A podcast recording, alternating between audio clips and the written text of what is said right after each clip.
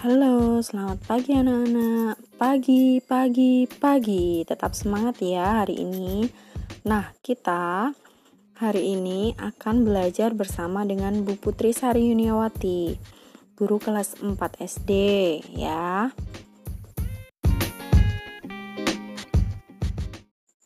Kita akan belajar tentang mata pelajaran IPS dengan judul Keberagaman Indonesia.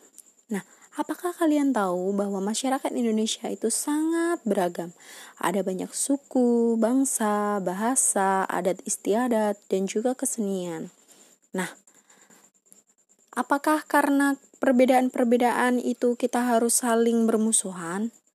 Tidak. Nah, bagaimana kita harus menyikapi semua keberenekaan dalam Indonesia itu? Nah, kita akan belajar di sini bagaimana tujuan yang harus kita capai. Nah, sebelumnya, apakah kalian tahu bahwa keberagaman ini dapat menimbulkan permusuhan? Nah, benar, karena banyaknya suku bangsa, bahasa, dan adat istiadat ini membedakan kita satu dengan yang lain. Apakah kalian ingat bahwa semboyan Indonesia adalah Bineka Tunggal Ika. Walaupun berbeda-beda, kita tetap satu jua.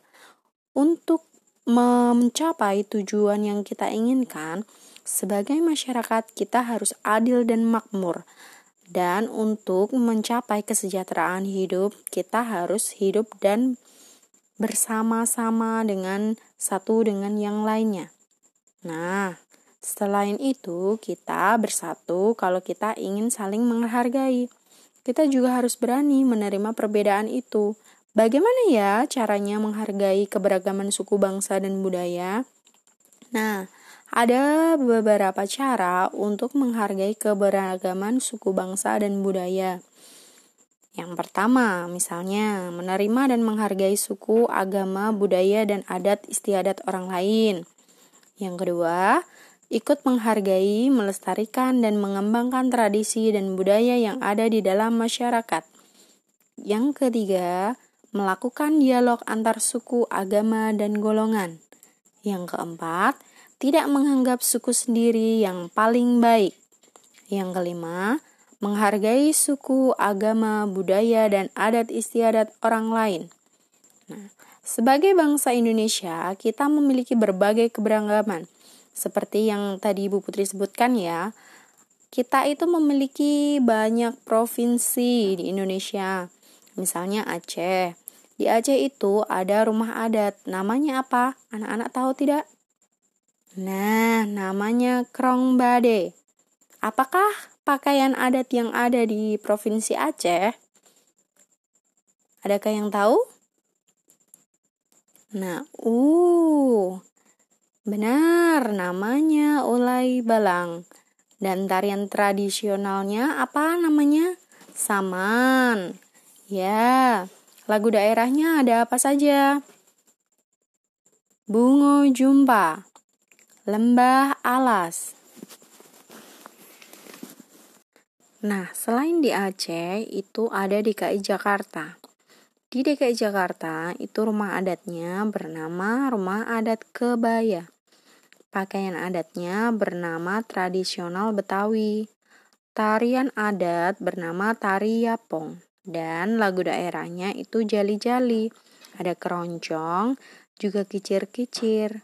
Dan banyak lagi. Kalian bisa juga mencarinya di buku kalian ya. Nah, setelah itu ada Jawa Tengah. Di Provinsi Jawa Tengah itu nama rumah adatnya itu Rumah Adat Joglo. Pakaian adatnya itu tradisional kain kebaya. Tarian adatnya itu ada tari Bambang Cakil. Dan lagu daerahnya itu ada Bapak Pocung, Gambang Suling, Lir Ilir, dan juga Jaranan. Nah, setelah itu ada Provinsi Bali. Nama rumah adatnya itu Gapura Candi Bentar. Pakaian adat itu namanya tradisional Bali, dan tarian adatnya itu namanya tari legong. Juga lagu daerahnya itu ada Dewa Ayu, Janger, dan juga Mejangeran. Nah, dari sini bagaimana untuk penjelasan Bu Putri, apakah masih ada pertanyaan? Semoga tidak ya. Ini bisa menjelaskan kalian bahwa di Indonesia itu memiliki banyak sekali keberagaman. Untuk yang lainnya, anak-anak bisa baca di buku paket IPS halamannya 58.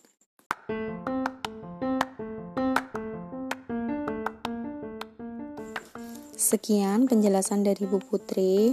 Semoga ini bisa bermanfaat untuk kalian. Terima kasih.